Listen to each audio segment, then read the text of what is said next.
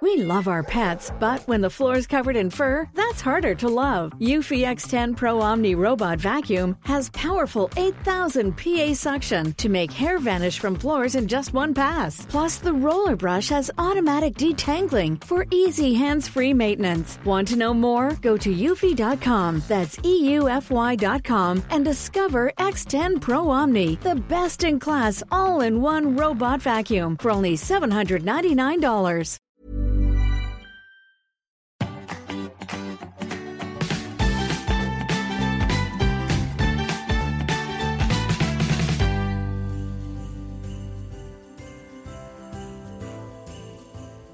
Hei og hjertelig velkommen til denne bonusepisoden av Foreldrekoden. Det er snart jul, og Hedvig Montgomery sitter med eh, reinsdyrgenser og eh, nikkers og gevir. Nei da, hun gjør jo ikke det, men vi sitter her begge to. Hallo, Hedvig. Hei der. Ja, snart er det jul, altså. Ja, snart er det jul, og det er jo en selvfølge å glede seg. Eller er det ikke det? Altså, jeg må bare si jul er eh, noen dager i året som eh, er veldig Det er som buljongterninger. De inneholder så mye at de liksom får større plass enn det de burde. Eh, det er noen dager hvor alt skal skje, og alt skal eh, oppfylles. eh, både for små og for store. Så det er vel i første rekke noen dager med veldig mye innhold. Høy densitet, for å bruke et litt vanskelig ord. Ja, og store forventninger. Og eh, det, der kan man fort gå på en smell, kan man ikke det? At man skal ha for store forventninger til hvor koselig det skal være, hvor, hvor idyllisk det skal være, og så videre. Altså, jeg pleier å si at overalt hvor man plasserer mennesker tett sammen, eh, så vil alt kunne skje. Eh, og å tenke seg at det skal være konfliktløst bare fordi det er jul i kalenderen, er ganske vanskelig å se for seg. Så jul er dager som eh, alle andre dager, bare litt finere, litt skarpere, litt klarere. Alle har sine sterke tradisjoner. Og når man kommer sammen, danner ny familie, det kommer barn inn i bildet, hvilke utfordringer gir det? Åh, ja, hvor skal jeg begynne? Man merker det jo allerede første året man skal feire jul med en ny kjæreste. Eh, Hans eller hennes familie gjør ting på en helt annen måte. De spiser andre ting, de har en annen døgnrytme, en annen dagsrytme. Og det rare er at de aller fleste tror at deres måte å feire jul på er den eneste riktige. Eh, Og i møte med at det viser seg å være hele familier der ute som gjør ting helt annerledes, så får de aller fleste et sjokk. Mm. Eh, Så den første er jo rett og slett å tenke over at nå skal vi lage våre juletradisjoner. Og her er man jo ikke alene heller, fordi svigerforeldre, egne foreldre, de har jo forventninger om hvem som skal komme på besøk, hvilke tradisjoner som skal opprettholdes, om du finner frem den engelen du fikk da du selv konfirmerte deg eller ikke. Altså, det, er, det, er så, det er så mange ting som mange legger inn i denne dagen som gjør at det kan være litt vanskelig for en nyfamilie å finne sin måte å gjøre det på. Men egentlig er det jo det vi snakker om. Vi snakker om at når det kommer barn, så er dere blitt en egen enhet som skal finnes deres tradisjoner, deres måte å gjøre det på. Finne en slags kompromiss av eh, din torsk og min ribbe. Finne en slags eh, løsning på at jeg alltid har gått i kirken mens du har sett på Donald. Finne den måten å skru dette sammen på for våre barn, som våre barn så skal ta med seg videre, og på et eller annet tidspunkt tenke herregud, går det an å gjøre det på en annen måte? Ja, og ikke bli stressa og satt ut hvis ikke den, eh, de tidspunktene som gjaldt i fjor, gjelder i år. Nei, og når det kommer småbarn inn i bildet, det første året med baby er ganske lett, for babyer eh, tilpasser seg jo og sover mye, eh, og til rare tider. Men du vil nok allikevel oppdage at eh, det er kommet inn en ny sjef i huset, eh, som kan snu opp ned på allting. Andre ganger så går det helt smooth. Men det er jo når du får to, tre, fireåringen at det virkelig begynner å skje ting som gjør at kanskje det å skyve middagen litt tidligere og få gaveopppakkingen før barna er overtrøtte, lønner seg, rett og slett. Det skal lages en jul som er god for alle. Apropos gaver, det er en problemstilling mange er opptatt av, og som også du hører mye om, eh, skjønner jeg, i, i, i din psykologrolle. Hva er det liksom folk eh, strever med? Gaver er vanskelig, fordi gaver er en, eh, et symbol på at jeg vil deg vel og tenker på deg. Så sånn sett så er gavens funksjon inn i familien usedvanlig viktig. Det er en gjensidighet i det, det er en hjertelighet i det, det er en et symbol på at vi betyr noe for hverandre. Gaver inn i familier er vesentlige. Men så har det kommet et problem, og det er at med økende velstand så har vi fått muligheten til å kjøpe altfor mange gaver. Eh, og det er lett å bli revet med. Og ikke bare kan dere foreldre kjøper mye gaver, det kan også besteforeldre, onkler, tanter. Vi får plutselig en gavehaug, eller et gaveberg. Mm. Eh, som eh, både foreldre og barn nesten kan bli litt overveldet av. Ja, jeg, skal jeg håndtere dette? jeg skulle til å si det, fordi eh, jeg, så lenge jeg kan huske, så har det vært en sånn slags kommentar eh, når eh, liksom alle julegavene er på plass under treet. sånn Rister alle litt på hodet sånn Nei, oi, oi, for et fjell. Oi, for et berg. Nei, nå har jeg aldri sett på maken. Og sånn har det vært så lenge jeg kan huske. Ja, og det har jo også vært velstandsutvikling så lenge du har husket. Så hadde vi talt gavene i din familie, så har sannsynligvis tallet vært stigende år for år for år. Og der vi står nå, så er det i veldig mange familier mye. Og så viser det seg også at hvordan man pakker opp gaver, det har man også med seg fra sin egen familie. Absolutt. Sånn at i noen familier så er det å pakke opp allting samtidig i full fart og nærmest rive av ja. papiret eh, i en slags eh, orgie. Eh, er Ja, det er som mine røtter, er sånn. Kjennes riktig ut. Mens i andre familier blir det sett på som grådig og respektløst, og man skal dele ut én for én gave og se på eh, den som pakker ut og, og ha en stor takkerunde. Og for å toppe den, i min familie, jeg er jo etnisk svensk, så skulle det være et lite rim på hver pakke som sa noen ting om pakkens innhold og relasjon til den som skulle få den. Som Da vi går timene. Det krever i hvert fall at det ikke er for mange pakker. Eh, så jeg må si det da med min eh, første kjæreste, så var jo det en, eh, litt overveldende, som da kom fra din tradisjon. Mm. Eh, så hvordan man pakker ut er jo også forskjellige skoler, rett og slett. Og jeg, etter å ha prøvd de fleste skoler her, eh, for fordelen med å ha vært gift to ganger, vet du, eh, så kan jeg også si at alt kan fungere. Og i tillegg så er det jo en ting her, og det er at vi vil jo ikke skjemme bort barna våre. Vi vil gi dem alt godt, men vi vil ikke få dem til å bli forspiste, sitte der og bare rape eh, og se utover eh, alt som er deres. Vi vil jo at de skal glede seg over gavene. Og da blir denne mengden faktisk et problem. Mm. Fordi du ser det spesielt på fire-femåringer, herligheten. Når de har pakket opp fem gaver, så har de egentlig fylt sin mentale boks. Det, så det hadde egentlig holdt? Det hadde holdt, eh, uten tvil. Sett fra, med deres øyne så hadde fire-fem gode gaver vært absolutt nok til å, uh, til å fylle kvelden med lykke. Så de neste 15 blir litt mye sånn nok en gave. Mm, og det er da man får det der neste, neste, neste, og så bare pælmes de borti en krok. Ja, uh, og når da de voksne ser på dette som utakknemlighet, så setter de det stakkars barnet i en helt umulig posisjon. For barnet signaliserer bare 'nå er det mentalt fullt her'. Jeg har fått det jeg klarer å forholde meg til på én gang. Ja, men da må jo et slags budskap øh, fra deg være, syns jeg det høres ut som, at man, i hvert fall for denne alderen, egentlig bør tone ned dette gavekjøret ganske mye. Jeg tror man kan gjøre det på forskjellige måter. Eh, for det er vanskelig å pålegge. Det må jeg bare si igjen. Gaver er en sosial utvekslingssituasjon, så det er vanskelig å si til resten av familien ikke kjøp mange gaver. Ja. Det kommer de ikke til å følge heller. Eh, hvis de kommer fra eh, et sted hvor man kjøper mange gaver. Men det finnes jo forskjellige måter å gjøre det på, f.eks. å porsjonere ut. Sånn at det er noen gaver på julaftens morgen, og noen på kvelden og noen neste dag. Altså rett og slett la, dele det inn i bolker som passer bedre. Så ikke du får den orgien. Mm. Eh, jeg, eh, og særlig er det jo vanskelig å stagge kanskje besteforeldre. Eh, jeg så en undersøkelse helt nylig at eh, det er de som bruker mest. 10 000 i snitt på barnebarna eller noe sånt nå. Det er mye penger. Skal man, skal man la de få ha den givergleden sin og bare OK, la det, det får være greit, la det stå til? Eller, eller eller er det greit å si fra at helt ærlig, i år må du begrense deg? Det jo, du hører jo selv hvor hard den siste beskjeden var. Var? Eh, så jeg tror nok den hadde fungert dårlig, for å ta kortversjonen. Jeg, det kommer jo helt an på hva slags forhold du har til eh, besteforeldrene til barnet ditt.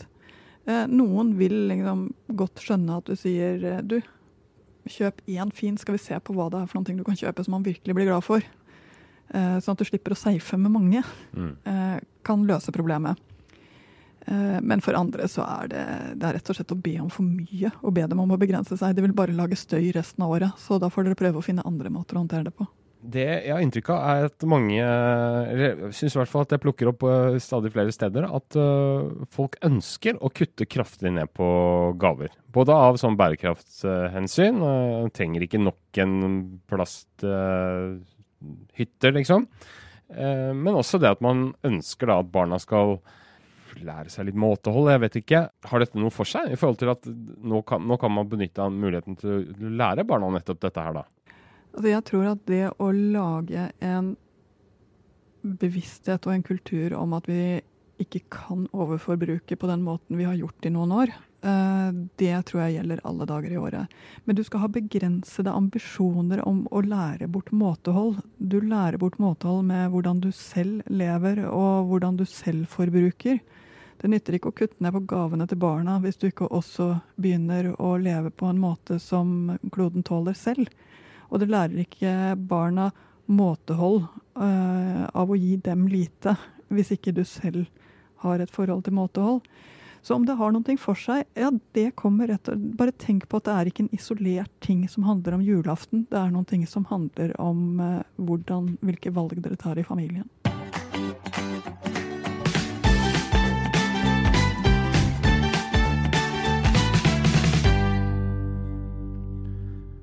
Da har vi kommet til passasjen dagens kunngjøringer, på en måte. Vi har minst én nyhet, nemlig. Og kanskje to, men det kommer eh, egentlig an på om du har hørt den før. Foreldrekoden har sitt utspring fra A-magasinet, som er Aftenpostens fredagsmagasin. Og i romjula skal vi ha en relansering av bladet. Det betyr at det blir brøsja opp litt, får noen nye elementer, bl.a. selveste Hedvig Montgomery får sin egen spalte om barneoppdragelse. Og det tror jeg mange vil sette stor pris på. Eh, og Hedvig, dette er en litt ny type spalte. Vil du si noe om konseptet? Å oh, ja. Eh, jeg må jo si at da jeg ble spurt om å lage spalte, så fikk jeg først en liten sånn ja, det vil jeg, og så fikk jeg sånn men herregud, nok en spalte om barneoppdragelse. Og så tenkte jeg hva kan vi gjøre som kanskje blir nytt, kanskje blir spennende. Så det vi har gjort, er at det kommer eh, foreldre til foreldreveiledning. Vi skriver ut timene sånn som de var, korter dem ned sånn at det blir litt mer overkommelig lesemengde. Og så kan du rett og slett følge en foreldreveiledning live i A-magasinet eh, og se hva de spør om, hvor de stopper opp, hvor de syns at rådene de får er dårlige, og hva de gjør til neste time. Eh, det har vært fantastisk gøy å jobbe med. Jeg gleder meg virkelig til å se om dette flyr. Hvis det ikke flyr, så skal jeg finne på noe annet smart. Vi får legge til at dette er selvfølgelig gjort i 100% overensstemmelse og samtykke og i eh, tilstrekkelig grad anonymisert til at alle parter er komfortable med det. Jeg har lest noe av det, og det er veldig spennende, interessant å se eh, hvordan dynamikken er. Eh, og, og, så er det fint å se at de får noe veldig mye eh, ut av det. Ja. Så det, det er bare å, å, bla opp i A-magasinet mm, når det første kommer i romjula, og så kommer det nye spalter deretter. Og så var det den andre nyheten, eller eventuelt påminnelsen, og det er at du, Hedvig, og jeg, vi skal ta dette podkast-konseptet til scenen. Uh, Foreldrekoden live arrangeres 29.1 i Kulturkirken Jakob her i Oslo sentrum. Billetter, eh, hvis du er interessert i det, kan du egentlig enklest få tak i ved å google Foreldrekoden live, og så kommer det opp fine linker der. Det blir spennende og gøy, gjør det ikke det? Det blir kjempespennende å ha publikum igjen når vi spiller inn. Det gleder jeg meg til. Bra. Men nå må vi snakke litt mer om jul, litt mer om nåtid. Og vi har jo en litt omstridt skikkelse rundt juletider ved navn julenissen barn som er livredd nissen. Og de er det jo en del av. Og det er ikke så rart, syns jeg, fordi maskeprodusentene de har en jobb å gjøre. Fordi maskene ser så uttrykksløse og strenge og skumle ut. Eh, så hva skal man egentlig si til barn som er redd for nissen? Altså, den første er at er eh, det eldste barnet i husholdningen under fem, ja. ja, så ville jeg ikke ha brukt maske i det hele tatt. Nei. Eh, når det er Det høres pussig ut når jeg sier det på den måten, men la meg si det på en annen måte. Hvis det er eldre barn til stede som eh, er vant til nissekonseptet, som eh, syns det er spennende med nissekonseptet, så ser de yngre barna på de eldre barna hvordan de reagerer. Og det vil si at du har mer rom for å bruke fancy utkledningstrekk, som f.eks. en maske, når det er flere barn til stede og de eldre barna er trent med det. Men er det yngre barn, eller er det første gang med nisse, dropp masken. Eh, lim på eh, skjegget rett på. Mm. For på den ene siden så vil man jo kanskje bevare den myten og mystikken og magien, og på den andre siden så vil man jo ikke ha barn som gruer seg til julaften og nesten tisser i buksa. Eh, jeg tror du kan stryke nesten her. Eh, det har vel vært barn som både har grått og tisset på seg. Men for de fleste barn, altså denne leken som ligger i nissekonseptet, dette, denne Spenningen. spenningen som ligger i det, er eh, en fin ting. Eh, og det å ha noen ting å vente på der utenfra som gjør at ikke mamma og pappa er de eneste eh, som styrer dagen, gjør det også litt lettere å få dagen til å gå i hop. Så det er mange grunner til at nisse er en ganske god idé. Eh, og jeg må også si at det der å få lov til å ha den fantasien om, om nissen, er en stor glede for mange barn. Hvis du fortsatt er i tvil om eh, hvordan du skal eh, håndtere nissen, så tenkte jeg bare skulle sitere litt fra et medlem av Facebook-gruppa vår Foreldrekoden, som hadde følgende forslag. Hvis du vil beholde litt julemagi, tenker jeg at du kan gjøre det ca. slik. Fortell eh, gutten at nissen i barnehagen etc. er en snill person som har kledd seg ut for å hjelpe den ordentlige julenissen med å skape julemagi. Så kan du f.eks. For fortelle at den ordentlige julenissen bor på Nordpolen og oppfyller barnas ønsker. Eller, som vi har gjort, parentes, legge opp til at nissen er en klassisk fjøsnisse som er så sky og redd av seg at vi sjelden ser han. Men han legger en sekk med gaver igjen ved døra vår på julaften og spiser opp grøten vi setter ut. Så er han mett og god når han skal gå rundt og levere julegaver. Den var ikke så gæren. Nei, vakkert. Og jeg tror vel at dette her som vår innskriver er inne på her, er det vesentlige. Behold fantasien, behold leken, behold eh, humoren i, eh, i dette øyeblikket som eh, julaften også har. Og så kan du vurdere å droppe den maska.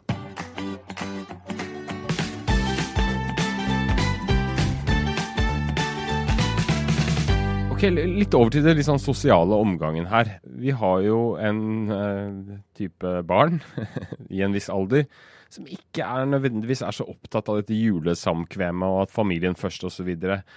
Tenåringer f.eks., som gjerne bare vil fortsette å sitte i, mm, som, sånn som de gjør i, i det daglige med, med nesa i en skjerm. Skal man godta det til en viss grad, eller skal man forsøke å oppdra dem og sette pris på liksom, familienærhet denne ene gangen i året? Ja, du, dette begynner faktisk ganske tidlig. Kan vi kreve at de er med i kirken? Uh, kommer ganske tidlig i mange familier. Uh, kan vi forlange at de sitter ved bordet når de er ferdige og bare har løp i beina? Kommer også tidlig. Eh, tenåringene som har lyst til å eh, legge ut på Snap eh, og dele med vennene sine, skal vi la dem få lov? Altså, det er mange sånne ting som tidlig viser at nå er vi en familie også med disse barna, og hvordan kan vi lage en julaften som de setter pris på og de føler seg del av. Om de har lyst på den familienærheten, ja, det tror jeg bare du kan ta for gitt. De har lyst på å kjenne at dette er en god stund for dem, hvis du gjør det til deg. Så det betyr at den der klassiske 70-tallsjulen hvor eh, barna bare ble skjøvet bort, og mamma og pappa og alle de andre voksne satt og koste seg med konjakken, den fungerer jo dårlig. Eh, og så har vi nesten fått det motsatte, at alt skal gjøres på barnas premisser. Uh, og de voksne føler at det nesten ikke De er bare Staffasje. Ja. De er nesten bare servicepersonell på barnas Ja. julaften. Eh, det er jo heller ikke akkurat noen ting som gjør at barna kjenner at det er deres jul. Da blir det nesten å ikke høre til noe sted, fordi de er en arbeidsoppgave og ikke en familie. Så det å lage en jul hvor det er noe for alle, og hvor det er noe for alle å glede seg over, og som også gjør at de kan være med på det som for dem blir litt kjedelige transportetapper, det er eh, litt kunsten her. Ja, men tenåringene som ikke gidder å være med på familieselskaper, som ikke har lyst til å være spesielt delaktige og sånt. Jeg sier ikke at alle er det, altså, men det er jo en litt typisk greie. Er det, er det greit? Altså, jeg må si at la dem være med på en del av det, og så gå og gjøre sitt. Mm. Er nesten en bedre løsning. Det er ikke noe god løsning å ha skjermen med til bordet. Nei, og det, det er ikke greit. Nei, det Ja, men da kan jo, da kan jo middagen kanskje være litt lenger for, de, for, for resten? Ja. Eh, det kan du si, men da kan de nesten sette seg med den skjermen noe annet sted, og da er det lettere å sitte ved bordet. For de gjør noe med hele den sosiale flyten at noen sitter og ikke er med i dette også. Eh, da har de lite ved bordet å gjøre. Mens vi snakka om skjerm, er det, da, da, er det jo liksom Vi skal se på TV, vi skal kose oss, vi skal liksom flate ut og ha det fint. Er det greit da å slippe opp mer på sånn type regler man har for skjermtid, f.eks. Uh, ja, spille spill eller, eller, se på filmer, se på serier og sånne ting? Syns du? Jeg tror nesten jeg begynner i andre enden. Okay. Uh, det er viktig at dere holder en form for døgnrytme. At barna får lagt seg og sovet nok sånn at du ikke sitter der på tredje juledag med helt overtrøtte barn. Så jeg hadde begynt å tenke på at vi må ha noe som funker, sånn at barna får søvn nok. Mm. Og så får man se på det i forhold til alder. Eh, det andre jeg hadde tenkt på, det er at det må være noe som skjer som gjør at de kommer seg ut av huset og gjør noe utenfor huset hver dag, også i jula. Hvis ikke så sitter du der med brakkesjuke unger mm. på dag to og tre. Eh, så det å legge inn at det skjer noe, at dere går på noe, at dere går på en tur, hva det nå enn kunne være, det betyr mye for stemningen i hele familien. Og så er spørsmålet hvor mye tid sitter vi igjen med da, og hva har de lyst til å slappe av med selv? Der tenker jeg at dere må se barna an og hva de trenger av regler og grenser. Eh, fullt slip, frislipp eh, har sjelden ført til lykke i noen familie, men å sitte der og være helt 50-tallsstreng lager ikke noe julestemning for noen. Nettopp. Ja, man må føle seg litt fram. Altså, det er jo lagt opp til at jul er en tid for hygge og Men idyllen, den ekte idyllen finnes vel egentlig bare i ukeblader og i eller annen, et eller annet minne, kanskje. Hva gjør man når man kanskje ikke kan utstå helt disse slektningene som man nå er tvinges til å ha det hyggelig sammen med. Svigermor, en, øh, kanskje en ny, ny, type moderne familie med noen stesøsken og noen stefedre og, og litt sånn forskjellig. Hva, hva, hvordan skal man rigge det til da, for at ikke det skal bli helt kollaps? Å, kjempepress. Uh, men det å kunne snakke med din kjære, din partner om dette her, hvis du har en partner oppi dette, det betyr ganske mye. Det får deg til å føle deg mindre alene. Så jeg opplever ofte at de som har en partner, hvis de klarer å snakke om det og si å, dette blir krevende, ti dager på fjellet med, med din familie, og den andre sier vet du hva, det skjønner jeg, det burde ikke ha vært så lenge da går det plutselig greit å holde ut ti dager. Mm. Sånn at det å møte hverandre, forstå hverandre, snakke om det De som kanskje har det vanskeligst, er faktisk de som føler seg mest alene eller koblet av.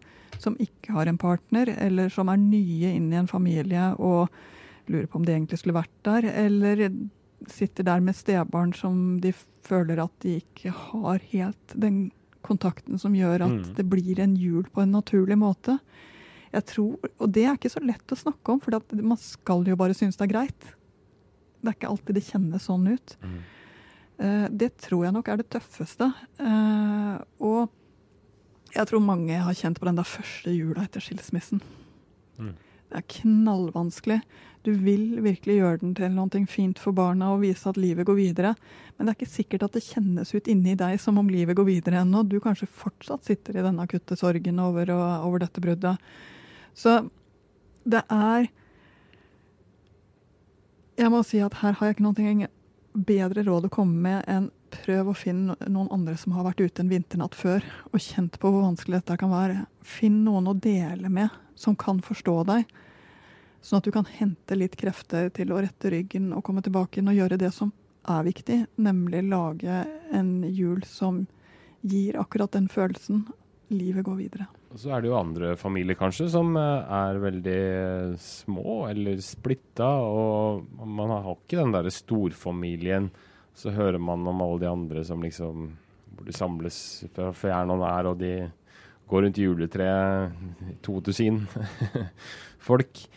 Eh, ja, ja, ja. Altså Fanny Alexander-julen står jo sterkt mm. i vår bevissthet om hvordan det burde ha vært. Men for alle som har sett filmen, så vet man jo at dette ikke er noe lykkebeskrivelse. Eh, men allikevel så er ideen om Fanny Alexander-julen veldig, veldig sterk. Mm. Eh, Hvorfor det?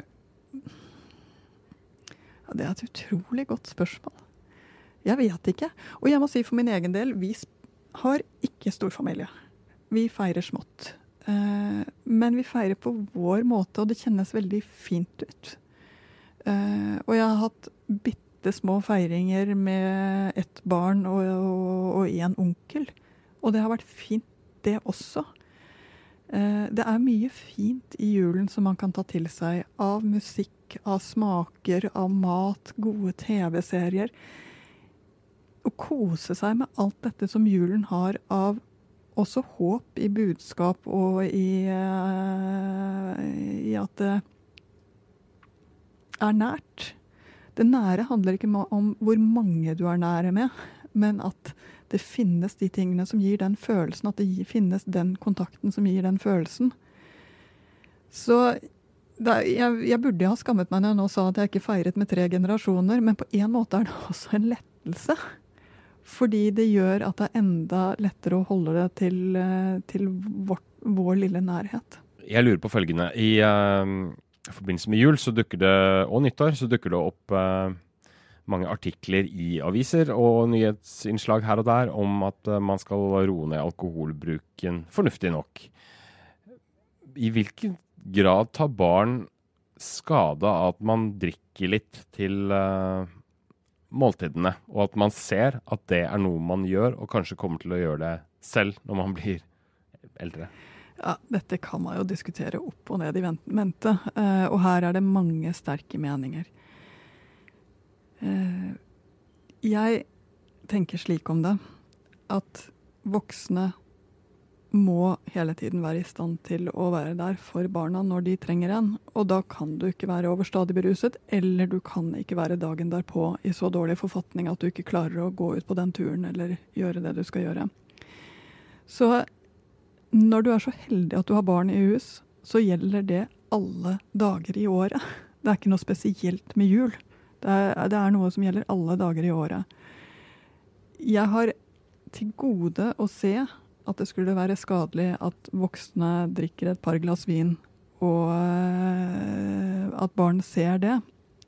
Det kommer de sannsynligvis også til å gjøre, og det kommer de sannsynligvis også til å leve akkurat like godt med som det dere gjør. Men når du er i en familie hvor man ikke lever godt med alkoholen, og vi ikke snakker om et par glass, men om et par flasker, så er vi over på noen ting som både er skadelig for de voksne og for barna og for familiestrukturen. Uh, og det er ikke noe mer hokus pokus i dette. Det er ikke noe mer i det enn at det kommer ikke til å fungere. Ikke på julaften, ikke på nyttårsaften, faktisk ikke de andre dagene heller. Da tror jeg vi sier at det egentlig var det vi hadde å si om jula. Men Hedvig, du har kanskje Hva, hva vil ditt julebudskap være ut til folk? Jo, jeg har faktisk et lite julebudskap. Det er at julen er en helt eventyrlig tid. Eh, fordi det er en mulighet til å bake sammen, klippe sammen, ha små hemmeligheter sammen. Barn elsker å ha den lille hemmeligheten at vi har kjøpt noen ting til mamma som hun ikke får vite om. Det er å få lov til å gå ned i tempo og ha de luktene i huset og, og den opplevelsen av at det er et oss her. Eh, jul er kanskje den mest institusjonaliserte måten vi har å vise at du hører til her hos oss. Så hva jeg har som julebudskap, kos dere med jula. Ja, det er noen skjær i sjøen, og det er noen ting som kan kjennes som vi kan tenke på. Men alt i alt så er det ikke svigermor eller uh, mengden pakker eller uh, hva vil dere spiser for ting som avgjør. Det som avgjør, er at dere sitter sammen og har disse dagene som handler så mye om hvordan vi er som familie. Det var veldig fine ord. Og det gjenstår vel bare å si én ting. Riktig god jul!